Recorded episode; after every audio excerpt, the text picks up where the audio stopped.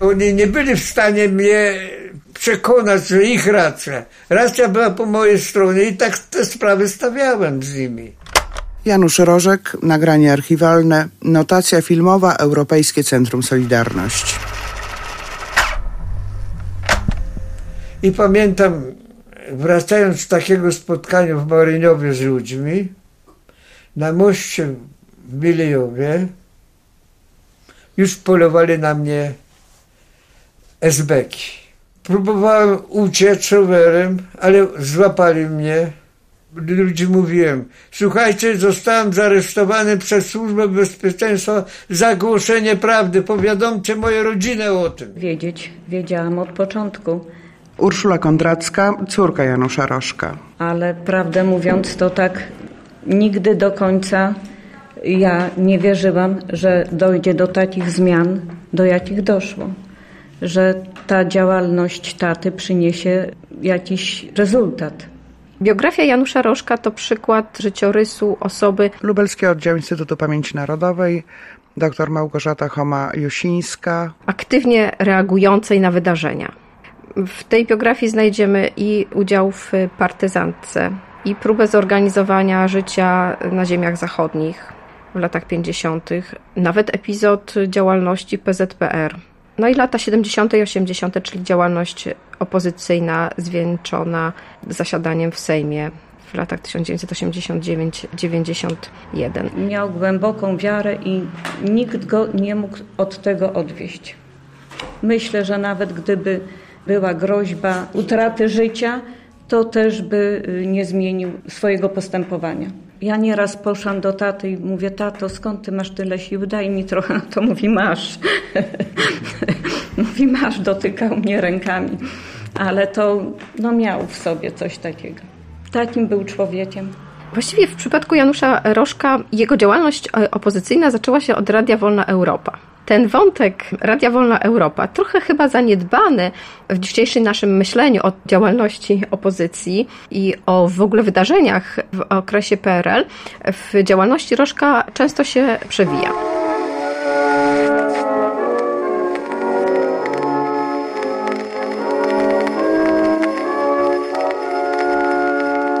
Mówi Radio Wolna Europa. Głos wolnej Polski.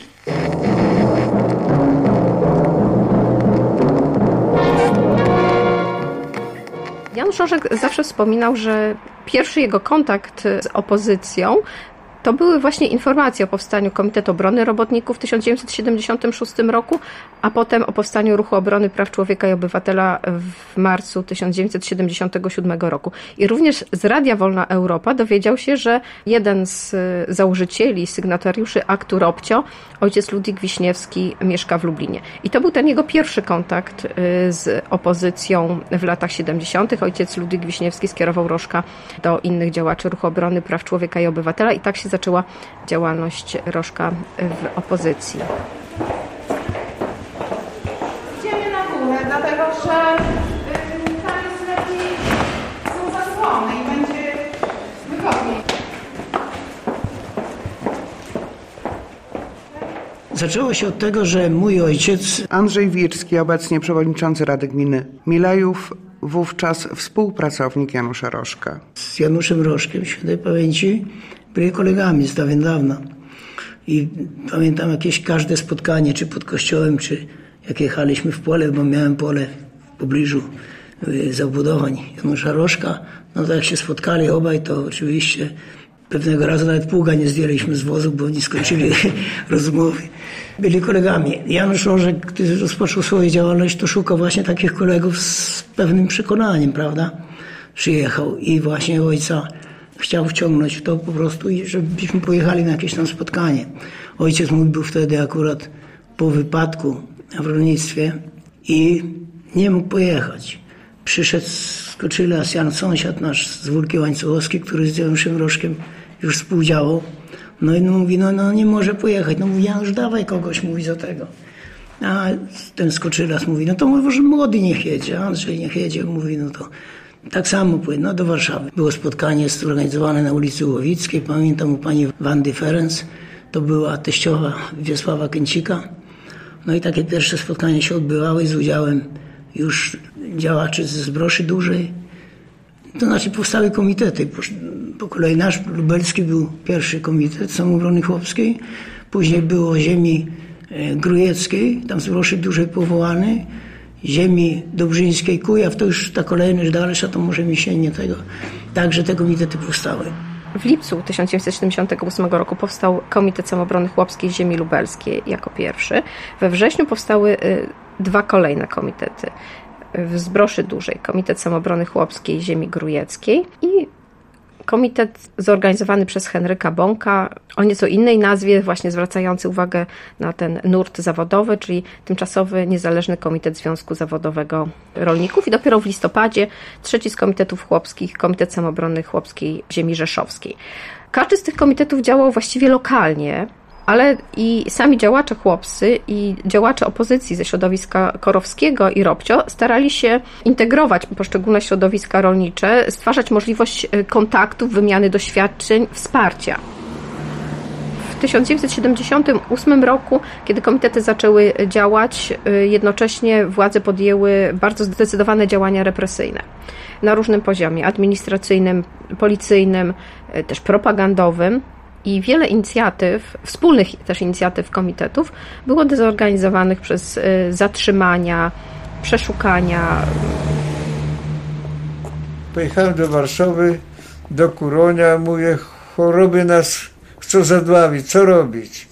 Zbierz chłopów, zorganizuj zebranie, a my tam pocztemy ci ludzi naszych. Przyjeżdża pierwszy do mnie Wiesław Kęcik Ustrówek jak zobaczył warszawiaka, dawaj się rowerami, motocyklami, gdzie się tylko da po wsiach jeździć i że zebranie o takiej, takiej godzinie ma być zebranie w Ostrówku. No i ludzi się zebrało około 200 ludzi. Przyjeżdża później Jan Józef Lipski, tekst uchwały opracował Wiesław Kęcik. My przez aklamację zatwierdziliśmy go i pojechali. W nocy Radio Wolna Europa nadaje o powstaniu pierwszego w Polsce Komitetu Samoobrony Chłopskiej i tekst i tak dalej, i tak dalej. To już było dosyć dla komuny. Przyjeżdża do Lublina minister rolnictwa, Kłunica, piękne nazwisko. Podejmują decyzję stan wyjątkowy na naszym terenie. Wyznaczają podpułkownika Trąbkę na szefem tej grupy pacyfikującej nas. No i to się zaczęło po domach, po tych osobach, przesłuchanie, zastraszywanie, przekupywanie. Od... Także próbowali w ten sposób nas zniszczyć. Wcześniej też były, przed 30 lipca 78 roku też były takie działania represyjne ze strony służb bezpieczeństwa. Prokurator Andrzej Witkowski, prokurator Lubelskiego Oddziału Instytutu Pamięci Narodowej, prokurator prowadzący sprawę Janusza Rożka. Wobec y, pana Janusza i skupionych wokół niego działaczy chłopskich na tym terenie, jako że protesty były praktycznie od, od 77 roku, już wcześniej, kiedy zaczęły się protesty przeciwko planom rządowym wprowadzenia ustawy emerytalnej. No i pan Janusz podjął tutaj taki bardzo zdecydowany protest, skupił wokół siebie wiele osób. Ja może wrócę do sytuacji, kiedy do samego początku, jak to się zaczęło, jeszcze przed powołaniem Komitetu Samoobrony Chłopskiej, więc pierwsze zebranie takie chłopskie odbyło się w miejscowości Górne, w miejscowości Zalesie. Następnie już jak przyjeżdżali przedstawiciele koru, przedstawiciele Ruchu Obrony Praw Człowieka, mam tutaj na myśli bo bywał tutaj Jacek Kuroń Ludwik Dorn i Leszek Moczulski. Właśnie wrócę do tego. Pierwsze zebranie takie już większą ilością chłopów to się odbyło akurat na dwie przy mnie za kiedy przyjechał Leszek Moczulski. No, było 30 parę osób. To był sam początek, takie już, y, gdzie już się to rozkręcało, prawda. I pamiętam, jak Leszek Moczulski przyjechał z, z Januszem Rożkiem do mnie na podwórku, postawili samochód. Janusz Rożek mnie przedstawił jako adiutanta swojego. Więc jeżeli bohater audycji Radia Wolna Europa i w ogóle znany w Polsce działacz podaje mi rękę, to adrenalina niewyobrażalna była. No i dalej te spotkania się odbywały, prawda? A jeżeli chodzi o stan wojenny i te represje, a to zaraz był po powołaniu y, tego Komitetu Samoobrony Chłopskiej. 30 lipca 78 do listopada 78. Tak. Trwał ten komitet. Tak. Natomiast wszyscy członkowie komitetu, bo było y, z każdej wioski, którzy uczestniczyli w tym zebraniu właściwie u mnie, takim organizacyjnym, bo wtedy zostało postanowione, że musimy powołać jakieś ciało, czyli było na myśli ten Komitet Samoobrony Chłopskiej. No i umówili się w Ostrówku, gdzie tam ten komitet został powołany. Natychmiast zaczęły się represje ze strony służb bezpieczeństwa i prześladowania tych wszystkich ludzi.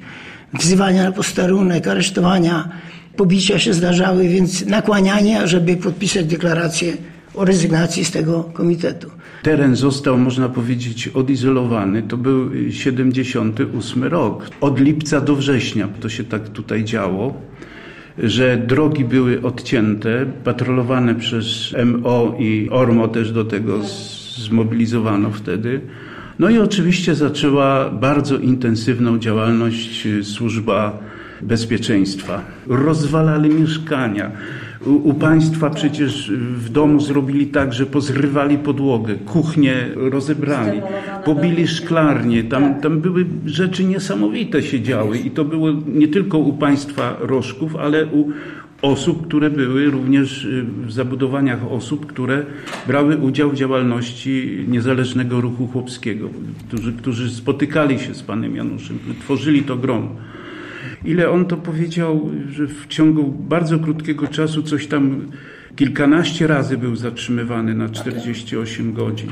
Zatrzymania były tak zwane prewencyjnie, brali na 48 godzin, znęcali się nad ludźmi w sekretariatach. To były tego typu działania. No wtedy miałem kilkanaście lat. Adam Rożek, syn Janusza Rożka. Pamiętam, jak ojciec wyjeżdżał na tego różnego spotkania rodzaju. Pamiętam, że opowiadał, właśnie zna, stąd mi znane nazwisko pana Skoczylasa, właśnie Andrzeja Wirskiego i no nie pamiętam tej chwili tego pana Wieczorka, chyba z Białki, tak? Marniowa. Z Marniowa, tak, z Marniowa, tak. Była taka sytuacja, że miałem jakąś wiadomość przekazać i mnie ojciec wysłał. Wiem, że błądziłem po jakichś lasach, ale trafiłem tam w okolice i przekazałem tą wiadomość. Pamiętam właśnie te represje i przeszukania w domu, dewastacja pomieszczeń, wszystko na kuchnia, wszystko pozrywane było, podłogi, szklarnie, w których mieliśmy na wiosnę rozsadę kapusty bodajże były powybijane szyby, był duży przymrozek, także część rozsady zmarnowała. U mnie nie było tej świadomości, jeszcze byłem dzieckiem. Nie wiedziałem po prostu na czym to polega. Tego zagrożenia aż tak nie czułem. Jako dziecko, jako młoda dziewczyna to nie do końca byłam świadoma, nie zdawałam sobie może do końca sprawy z taty działalności, może nie wszystko rozumiałam jeszcze, ale po latach zrozumiałam, że to było bardzo ważne, co tata robił. No jednakże ta jego działalność oddziaływała na rodzinę. My jako dzieci na pewno bardziej oczekiwałyśmy, że tata będzie nam poświęcał i rodzinie więcej czasu. Jednak działalność, której się poświęcił, zabierała mu dużo czasu. Zostawiał nas, szczególnie mamę, pracą na wsi w gospodarstwie, a była i hodowla i uprawialiśmy warzywa. Także to wszystko wiązało się z dużym wysiłkiem rodziny, z poświęceniem. Dobro ojczyzny było u niego, myślę, że na pierwszym miejscu. Wyżej nawet niż rodzina. Pamiętam, jak pewien ormowiec zabrał tacie prawo jazdy i wtedy ja już skończyłam chyba szkołę, miałam prawo jazdy i wszelkie obowiązki, bo wywoziliśmy warzywa na targi i musiałam to przejąć, bo tata nie miał prawa jazdy, nie mógł jeździć, także byłam tym niewątpliwie obciążona. Troszkę nam brakowało y, może jako dzieciom uwagi czy poświęcenia więcej czasu rodzinie. Pamiętam tylko właśnie, kiedy ojciec powiedział, że szedł do autobusu na Zalesiu i okazało się, że chcieli go porwać. Całe szczęście, że tam gdzieś w okolicy były, byli jacyś ludzie, on za, zaczął krzyczeć i w taki sposób no, uratował się, po prostu nie, nie, nie porwali go. No ale wtedy mówi, że, że być może to był zamach na jego życie. To pamiętam. To było właśnie w okresie tych nasilonych represji. Udało mu się e, wyrwać im. I oni odjechali. Później miał informację od os osoby, która była rozeznana w tych planach służb bezpieczeństwa wobec niego, że miał być uprowadzony tym samochodem i miał być e, wypadek drogowy sfingowany, miał nie żyć. Bo to mówiliśmy o tych działaniach takich powiedzmy jawnych, procesowych, tak zwanych przeszukania, prawda? To, to wszystko jest na proces. Ale oni prowadzili taką działalność operacyjną, bardzo wzmożoną. Niedaleko państwa domu był taki budynek, gdzie oni sobie, nie wiem czyj to był, ale oni tam zrobili sobie sztab. I całą aparaturę podsłuchową taką, tam zamieścili różne kierunkowe mikrofony i tak dalej. To co było, żeby pod, poddając y, zabudowania państwa takiej bardzo ścisłej inwigilacji. Ale też były źródła osobowe zaangażowane. I co tak, ta, takie właśnie interesujące, interesujące, zabawne dosyć. Jeden się tak dość wysoko nosił, że z tych agentów, że miał właśnie taką taki pseudonim J23. Też byli przeciwnicy. Ja jeszcze powiem taką historyjkę, na przykład dosłownie w tym tygodniu rozmawiam z tym i rozmawiam właśnie, że będziemy mieli radio i będziemy rozmawiać o tych sprawach. No i się, gościu się tak uśmiechnął, mówi ty, mówi, przyjdą Ruscy, to ty pierwszy pojedziesz na Syberię. No jeszcze do tej pory ludzie mają takie przekonania, no. W materiałach zgromadzonych w archiwum Instytutu Pamięci Narodowej zachowała się kopia rezolucji uchwalonej przez 17 działaczy Komitetu Samobrony Chłopskiej Ziemi Lubelskiej. Rezolucja uchwalona w Milejowie 18 listopada 1978 roku. Sygnatariusze tej rezolucji napisali my, rolnicy wybrani w dniu 30 lipca 1978 roku na zebraniu w Ostrówku do Tymczasowego Komitetu Samoobrony Chłopskiej jednomyślnie oświadczamy, że z dniem dzisiejszym rozwiązujemy nielegalnie zorganizowany przez Janusza Rożka ze wsi Górne, gmina Milejów, wspomniany komitet i żądamy niepowoływania się w przyszłości na jego istnienie. Doszliśmy do przekonania, po uświadomieniu sobie awanturnictwa Rożka, że jest ono sprzeczne z interesem uczciwych chłopów. Nie możemy godzić się z tym, aby nasze sprawy i w naszym imieniu rozpatrywane były przez wrogów Polski Ludowej, wrogie ośrodki za granicą, w tym również rozgłośnią wolnej Europy. Rezolucja została wysłana do wiadomości Prymasa Polski, Sejmu PRL, Rady Państwa, Klubu Seniorów Ruchu Ludowego, Punktu Konsultacyjno-Informacyjnego Ruchu Obrony Praw Człowieka i Obywatela w Lublinie, Komitetów e, Samoobrony Chłopskiej pozostałych i Tymczasowego Komitetu Niezależnego Związku Zawodowego Rolników. Treść tej rezolucji sugeruje, że rolnikom podpowiedziano, jakie zarzuty można skierować wobec Janusza Rożka. Awanturnictwo, wrogowie Polski Ludowej, wrogie ośrodki za granicą, zwłaszcza Wolna Euro, Radio Wolna Europa, to są elementy oficjalnej propagandy skierowanej przeciwko opozycji, środowiskom niezależnym jeszcze przed powstaniem zorganizowanej opozycji w latach 70., zarzuty, które pojawiały się wobec różnych osób i różnych środowisk. Oni zmierzali do tego, żeby wyeliminować po prostu tą działalność. To się wszystko nie udawało. No i wtedy nadszedł ten dzień 30 października 78 roku, kiedy kiedy już podjęto tak y, działania wobec pana Janusza, kiedy się to uprowadzenie nie powiodło, no to postanowili się z nim policzyć na komisariacie. Ale to może za chwilę dojdziemy do tego, bo tego się zaczyna już ta moja sprawa. To sobie trudno wyobrazić, żeby po przejściu takich tutaj właśnie represji, takich szykan, Kazimierz Woś, historyk. być pobitym do nieprzytomności, prawda? I nie zaniechać tej działalności, dalej ją prowadzić. Trzeba było ogromnej determinacji, ogromnej odwagi. I tego człowieka na to było stać. To się wszystko działo obok Lublina.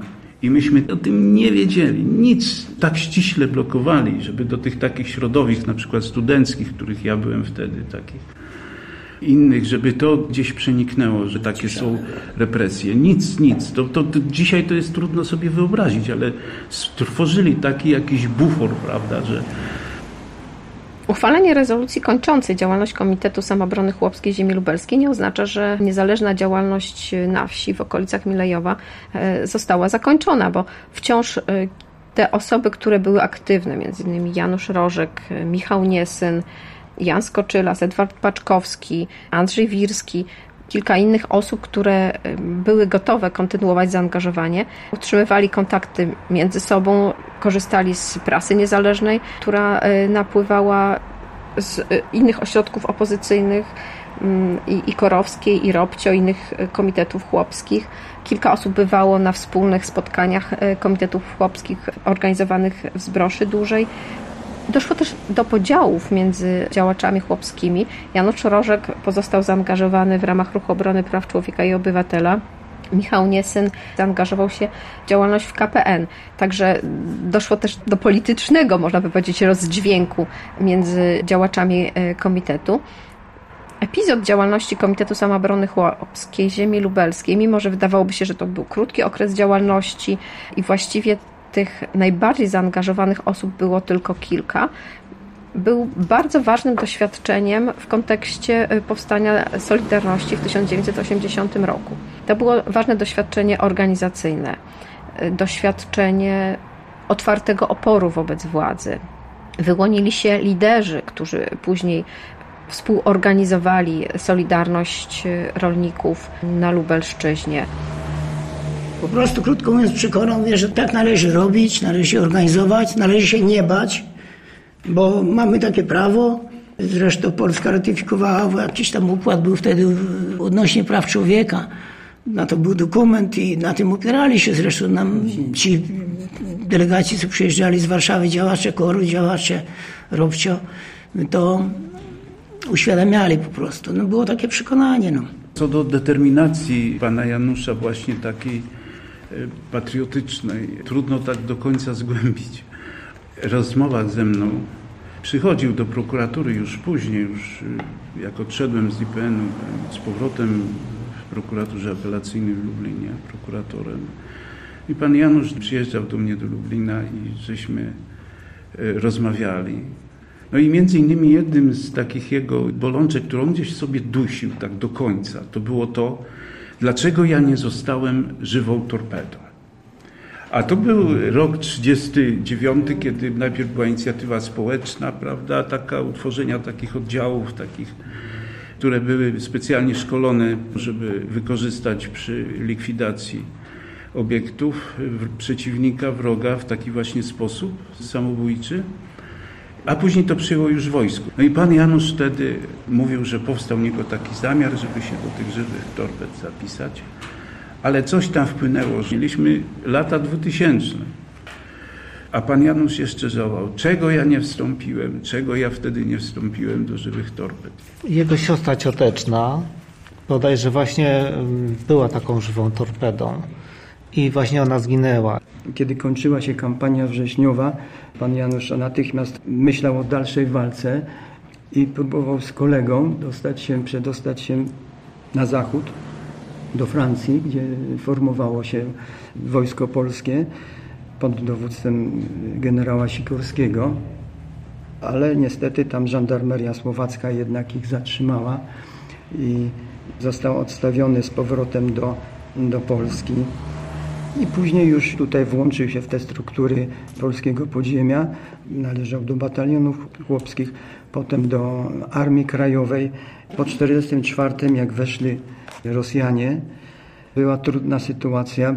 Więc pan Rożek uznał, że takim wyjściem dla niego, ratunkiem dla niego będzie wstąpienie do Ludowego Wojska Polskiego. Poszedł nawet na ochotnika i przeszedł szlak bojowy, bardzo chwalebny szlak bojowy. Y, Tutaj walczył między innymi o Kołobrzeg, a później brał udział w operacji berlińskiej.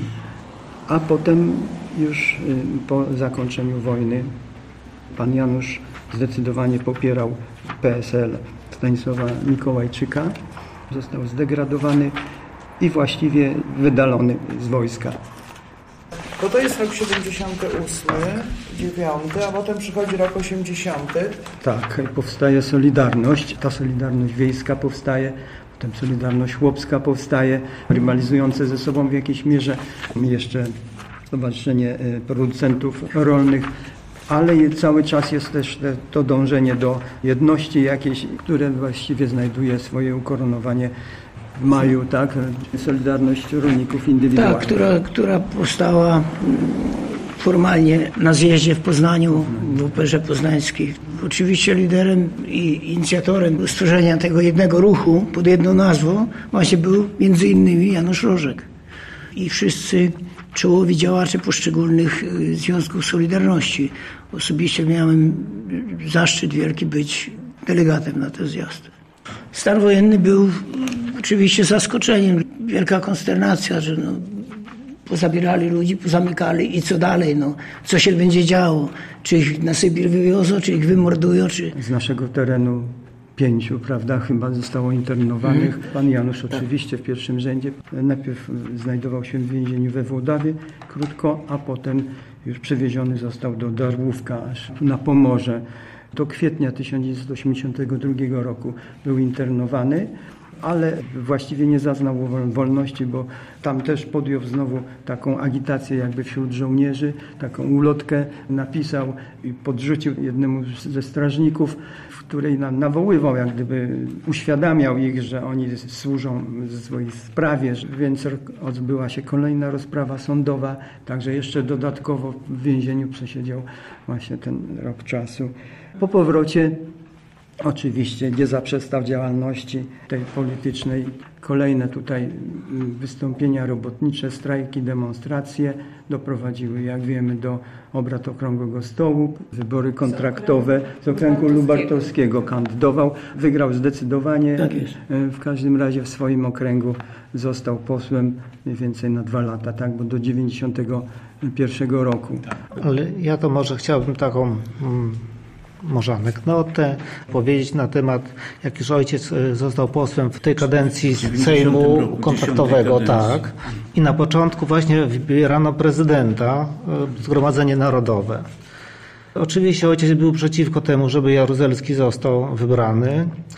No i chciał dać upust swojemu zdaniu i podszedł pod, do, właśnie do trybuny i powiedział, że Jaruzelski wymachuje szabelką, ja szabelki się nie boję, więc ja mogę kandydować.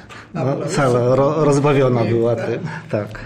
I właśnie on mnie prosił o to, żebym ja dawał to świadectwo, że od stąd się zaczęło, że tutaj wtedy wyszła ta iskra taka, Świdnik potem, Lubelski Lipiec i, i potem dalej. On mówił, pamiętajcie, że myśmy tutaj zaczęli tą walkę o Polskę niepodległą. Tutaj, Milejowie, tutaj żeśmy zaczęli.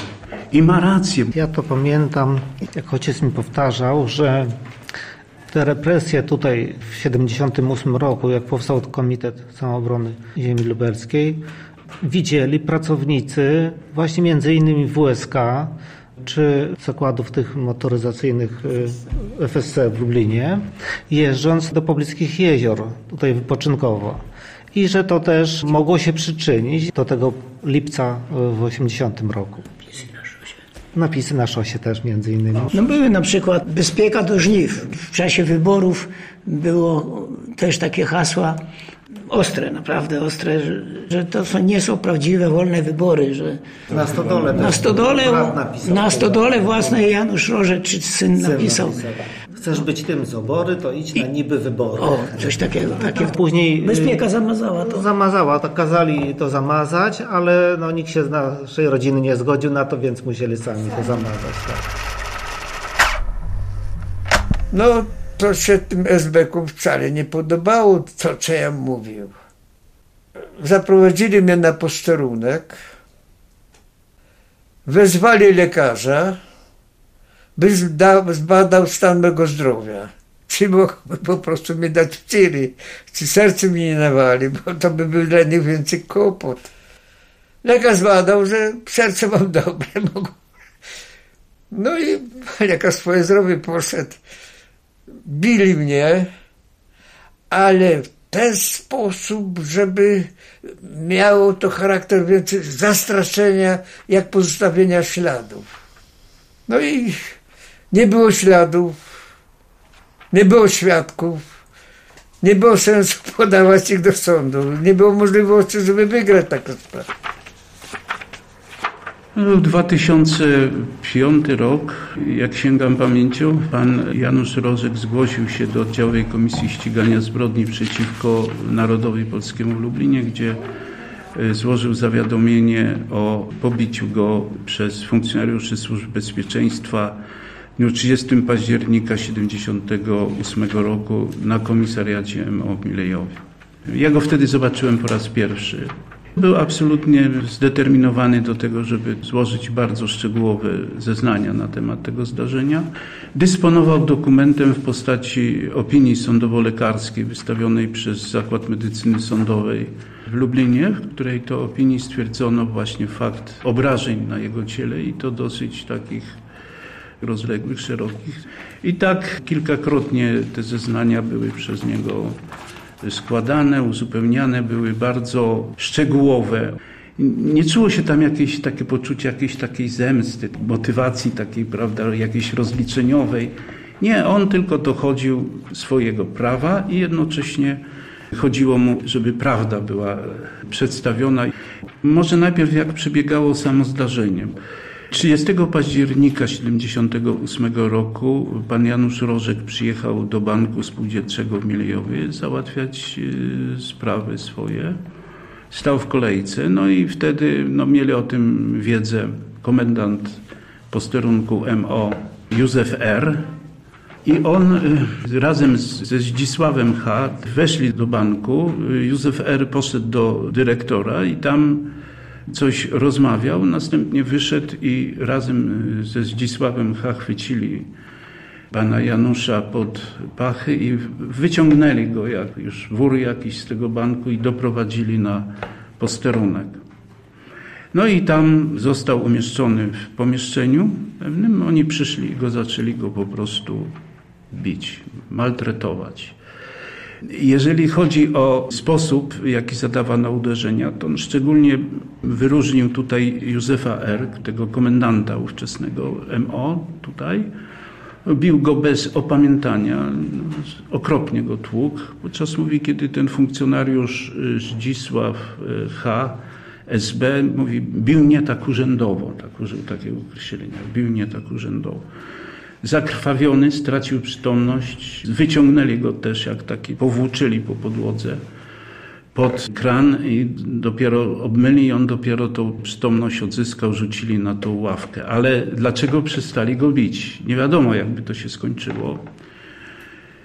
W międzyczasie, jak on był bity, przypadkowo wszedł do tego pokoju inny z funkcjonariuszy Służb Bezpieczeństwa Lubelskiej, który był akurat w, w, tym komisariacie. No i on osłupiał, jak zobaczył to. Zło składał zeznania jak najbardziej przede mną, potem po latach. Przestańcie, no. Więc y, oni tu jakby troszkę oprzytomnieli tą sytuacją, no i, i zostawili pana Janusza. Tata od razu nie wrócił, ale pamiętam jak opowiadał, że zajrzał do niego pułkownik i tata siedział taki skruszony, a był przeszkolony, w jaki sposób się zachowywać, żeby się nie rzucał, bo y, była taka sytuacja wówczas, że wypuszczali po pobiciach, po 48 godzinach wypuszczali na ulicę i z tej ulicy, jak wyszedł na ulicę, pod byle pretekstem znowu zatrzymywali na 48 godzin po to y, zatrzymywali, żeby te rany, które zostały zadane, żeby się wygoiły.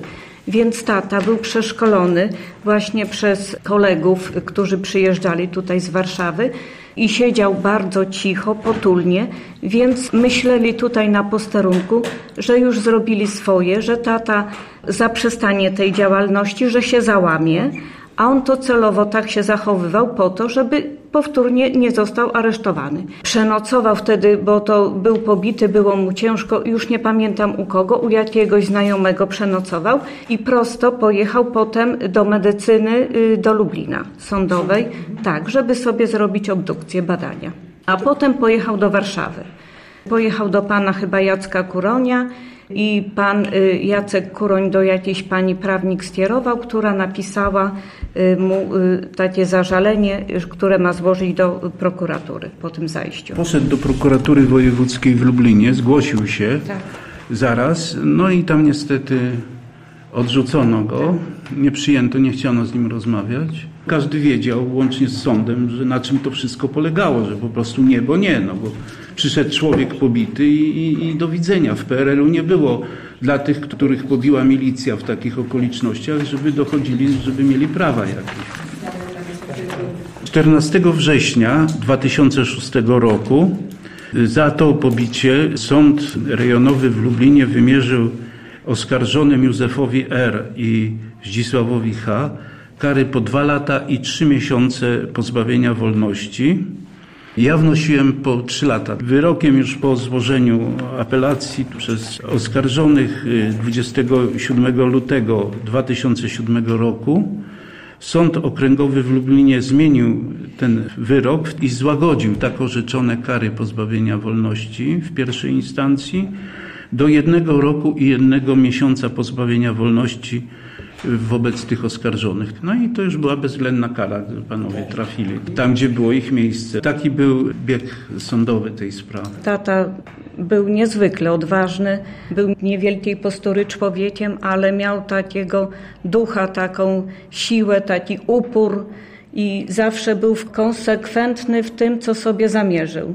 Nie poddał się nigdy, nie podpisał lojalki, jak był uwięziony i była amnestia i wtedy to mi to opowiadał, że podsunięto mu papier, żeby podpisał, że pan wychodzi, to niech pan podpisze. A on, tata powiedział, że jak przychodziłem tutaj, nic nie podpisywałem i teraz też nic nie podpiszę. Ojciec taty był wielkim patriotą, był peowiakiem, walczył z bolszewikami. To dziadek nas uczył patriotyzmu. Pamiętam, no chodziłam już do szkoły, ale to były może druga, może trzecia klasa i y, dziadek obiecał, że da nam 20 złotych, jak się nauczymy reduty Ordona na pamięć. Calusieńką redutę się nauczyłam. Nie wiem, ile czasu się uczyłam, ale to właśnie świadczyło o wielkim patriotyzmie. Ja dzisiaj, gdybym sobie ze dwa razy przeczytała, na pewno bym y, powiedziała na pamięć, bo to się zakodowało wtedy głęboko w nas. Ten duch patriotyzmu to dziadek zaszczepił w całej rodzinie, tak myślę. Właśnie nawet przez tą redutę Ordona, pamiętam, zachęcał nas finansowo do tego w taki sposób, ale skutek był, bo o patriotyzmie, o uczciwości, o sprawiedliwości to zawsze się słyszało o tym w domu. Pan Janusz też interesował się bardzo właśnie też historią i dyskutowaliśmy na tematy historyczne i tu chciałbym powiedzieć, że przewidywał Pan Janusz także to, co się dzieje w tej chwili.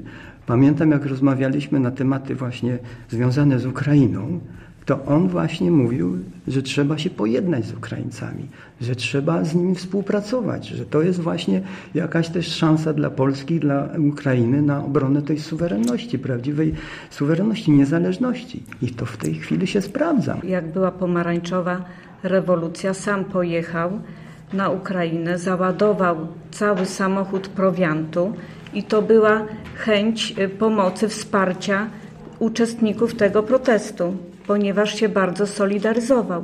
Także my byliśmy aż w szoku, jak się dowiedziałam o tym, bo ja nie mieszkałam wtedy z tatem, że on tam pojechał. Chciał nie tylko y, prowiantem, ale również słowami chciał wesprzeć tych protestujących. Gdyby dożył tych czasów, a byłby młody, to na pewno by się zaciągnął i by walczył na Ukrainie. Po stronie Ukraińców. Tego jestem pewna, znając swojego tatę.